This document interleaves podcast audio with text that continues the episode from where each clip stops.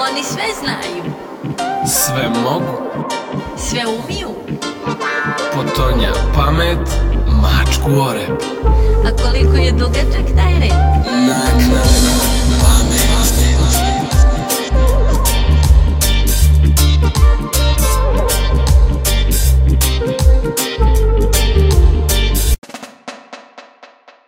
Pozdrav ljudi, slušate prvu epizodu emisije Naknadna pamet. Za početak, eto, kako biste bili malo bolje upućeni u koncept, ali i zamisao naknadne pameti, možemo reći da je u pitanju audio podcast u kojem ćemo se baviti razno raznim vrstama pameti koje nekako uvijek dođu u nevakat, odnosno naknadno.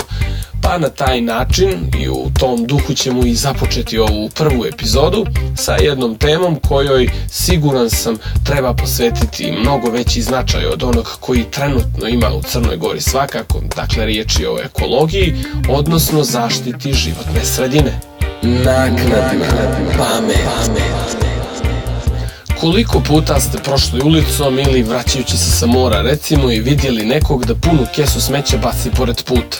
Koliko puta ste vidjeli nekog da neku vrstu otpada baci na ulicu, u šumi, nekom izletištu i slično? A možda ste to upravo bili vi.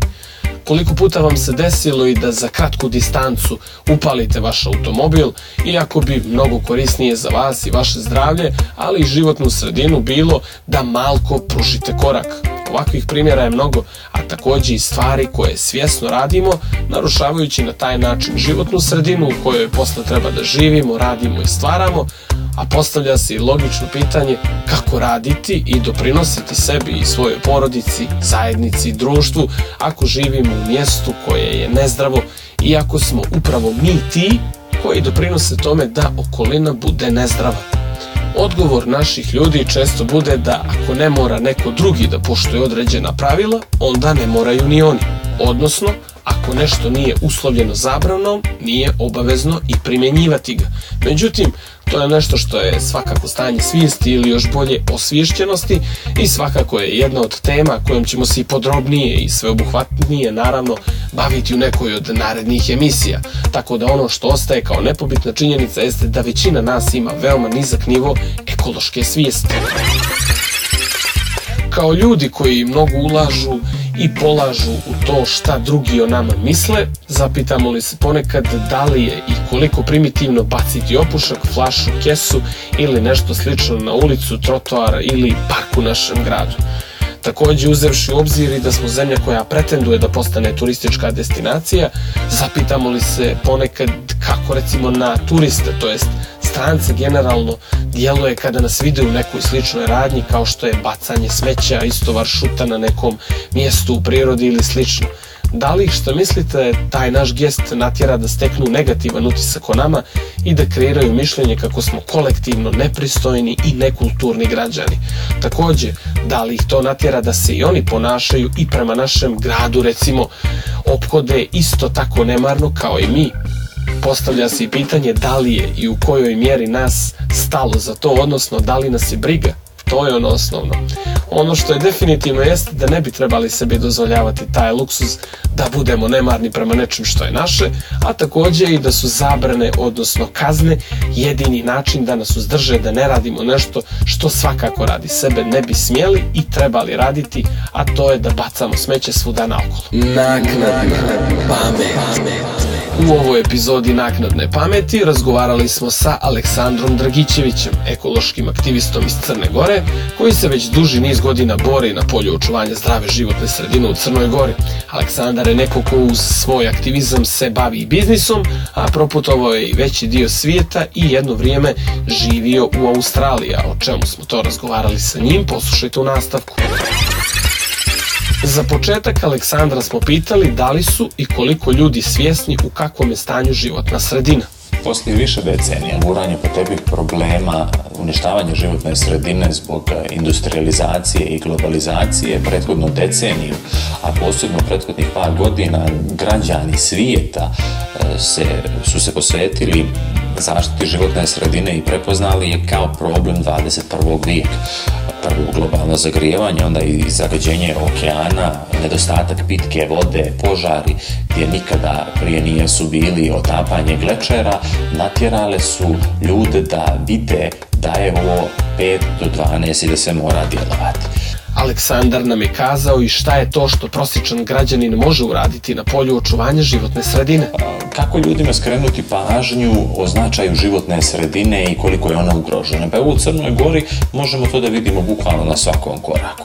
Ukoliko pođemo 5 ili 10 minuta vožnje van grada, ne možemo da ne primijetimo brojne divlje deponije, deponije građevinskog materijala i na stotine i na hiljade kesa, plastičnih kesa, zakačenih po raznim ogradama, zbog vjetra po šumama, čak i kada padne nivo vode u našim rijekama, evo to možemo vidjeti ovdje u glavnom gradu, vidite e, gomilu otpada, gomilu plastičnih kesa.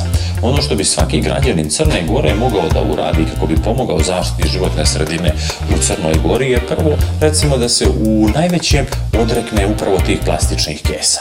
Jedna platnena ili velika najlonska kesa za višekratnu upotrebu a, mnogo je bolja za životnu sredinu nego desetine kesa koje uzmemo prilikom svake trgovine u veće trgovine u nekom supermarketu. U nastavku Aleksandar nam govori o značaju edukacije mladih za ekologiju i teme koje su svakako od životnog značaja edukacija mladih je vrlo bitna jer recimo na zapadu edukacija mladih počinje djece počinje već u predškolskom uzrastu.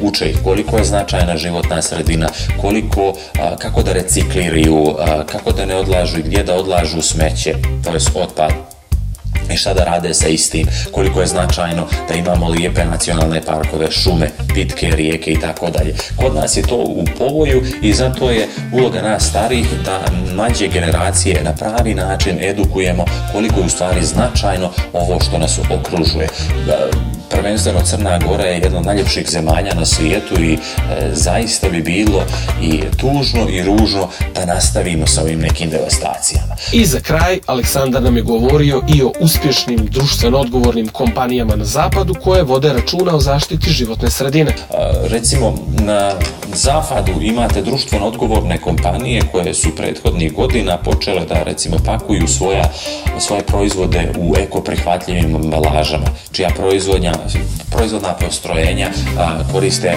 manje a, pitke vode ili istu vodu recikliraju, čija postrojenja za pročišćanje otpadnih voda su zadnji krik tehnologije. I e, građani znaju da cijene takve kompanije i potražnje za proizvodima takvih kompanija je u rastu. Čuli ste prvu epizodu emisije Naknadna pamet u kojoj smo se bavili ekologijom i očuvanjem životne sredine. Ono što je definitivno jeste da je ovo jedna nepresušna tema kojoj je zaista potrebno posvetiti veliku pažnju. Mi ćemo se i u narednom periodu svakako zanimati za ovu i slične teme. Od nas za sada toliko, a vi slušajte dobru muziku, čitajte dobre knjige, uživajte u čarima prirode koja nas okružuje, čuvajte i naravno ne bacajte smeće. Pozdrav! Oni sve znaju. Sve mogu. Sve umiju. Potonja pamet, mačku oreb. A koliko je dugačak taj rep?